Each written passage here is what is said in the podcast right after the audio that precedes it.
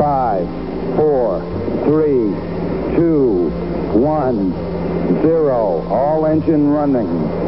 Liftoff. We have a liftoff. So I'm Shan.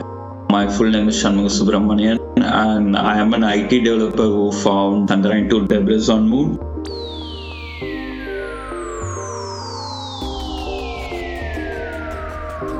This is the first episode of a series with DevOps engineer and lunar explorer Shanmuga Subramanian. We'll be talking about an event that happened in the past. Congratulations to India for successfully landing on the moon with their latest lander. Why don't you tell the audience what you personally discovered on the moon? So what I discovered was debris of Chandrayaan 2 lander, which is known as Vikram. As you all know, Chandrayaan 2 was launched by Indian Space Research Organization ISRO on uh, July, and it was supposed to land on. Uh, so Chandrayaan 2 had two parts. One is the orbiter, another one is the lander, and the lander was supposed to land on September 7th, but unfortunately we lost communication with the lander, and. Uh, ISRO tried to communicate with the lander because they didn't know whether it landed or crash landed or whether it was our landing like that. And they were never able, able to communicate with the lander for nearly 10 14 days. And they said they lost communication with the lander. And NASA's LRO, which has been orbiting around the moon for some nearly uh, 10 plus years, was supposed to capture images of the landing location uh, in mid of September. So they did capture some images, but they were not able to find the lander in it because it was near uh, near to Moon South Pole. It was very dark over there. So Moon South Pole is always something very curious place because the sunlight won't be always there and the shadows would be moving fast. So even if you find, even if spacecraft lands on it, then there are chances it may go out of the sunlight very soon or later. So the lander was supposed to last for 14 days, but when NASA's LRO went over the same landing place, they were not able to find it because it was so dark, and they said it might have landed in uh, one of those dark craters like that. So they did publish the LRO images. So it was a combination of three or four images combined together, stitched together, and they published it online on NASA site as well as on LRO site. It was something nearly like 2 GB. One single that single image was 2 GB in size. So what I did was I downloaded it and I found the debris, a small debris, a small white specks part which was out of ordinary over there and reported to LRO scientist. So it was not first initially taken. Uh, so I did approach them a couple of times later also when they didn't find it in October passing as well as November passing of LRO on the same um, location. So after November, I did again send an email around November 18th or something. Then on December 2nd, I did got a reply back from LRO team as well as a couple of NASA scientists saying that we have credited you for finding debris on uh, uh, debris on Moon, Chandrayaan 2 debris on Moon, and it was all over the news also. Oh, that's pretty cool. So you're you're one of the first lunar prospectors. You discovered something on the moon that somebody lost and uh, helped them find it again. Yes, exactly. I would say it was uh, it was sad to lose a spacecraft on moon because people behind the mission always works work very hard. Be it uh, Israeli lander which crash lander on moon or ISRO's lander, they work very hard on the moon. But uh, something finding debris is something like a bittersweet news for them because they will get a closer okay that actually is class standard but it's kind of debris. So they will again do another attempt in the coming months i would say so. Yeah i saw the video which i'll include in the show notes for this uh, podcast.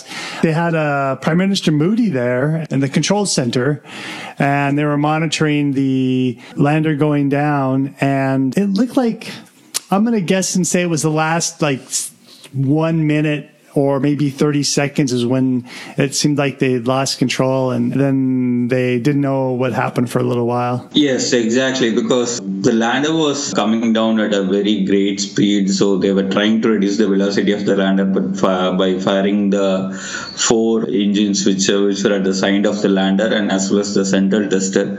It seems the velocity should come down to something like uh, maybe I am not sure about that, uh, but it should come down to a minimum speed so that it can land on the moon surface. But the problem was it all went fine till the last three minutes or so. The last three minutes, it was supposed to reduce the velocity further, but unfortunately, the velocity increased further. So most probably, we do not know what exactly happened during the last few seconds of the lander. It might have either crash landed or it might have either like uh, tried to reduce some of its speed. Because if you see the scattering of the debris it's a clear cut indication that it is somewhere in, in between. Because it, whenever a spacecraft crash lands on moon it will be like the splattering of the debris should be there. But in this case it was not so. So it is somewhere in between. It tried to reduce the speed at the last moment but it, it was not successful. Mm. so all of us were expecting eagerly to get first pictures of moon south pole because nobody has ever landed on south pole till now. And nasa's uh, viper is going to land on 2023 because i'm looking more for, uh, i'm looking forward to it very eagerly because south pole is something where we might have tons and tons of ice in the permanently shadowed craters. I was very eager to know what, what is going to be there in the South Pole because that's something nobody has ever attempted, but unfortunately it didn't happen. Let us see what happens with Chandrayaan 3 as well as Viper because South Pole is where we can have some kind of uh, permanent lunar base from which we can travel to Mars and other planets.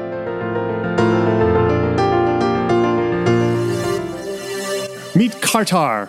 Kartar is a project manager working for a casino. And little does he know is that hitmen are gunning for his head if he doesn't deliver the project on time.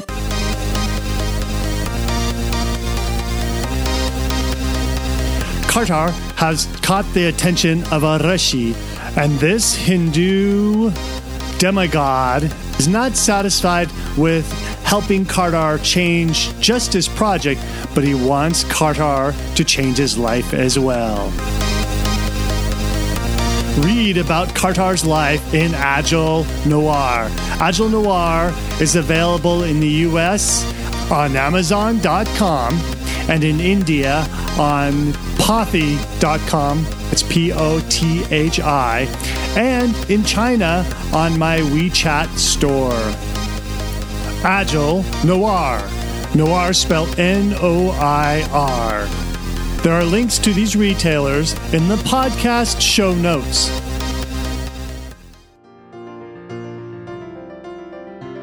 If you're using a podcast player, go ahead and tap on it so you can get to the show notes and then you can see the video.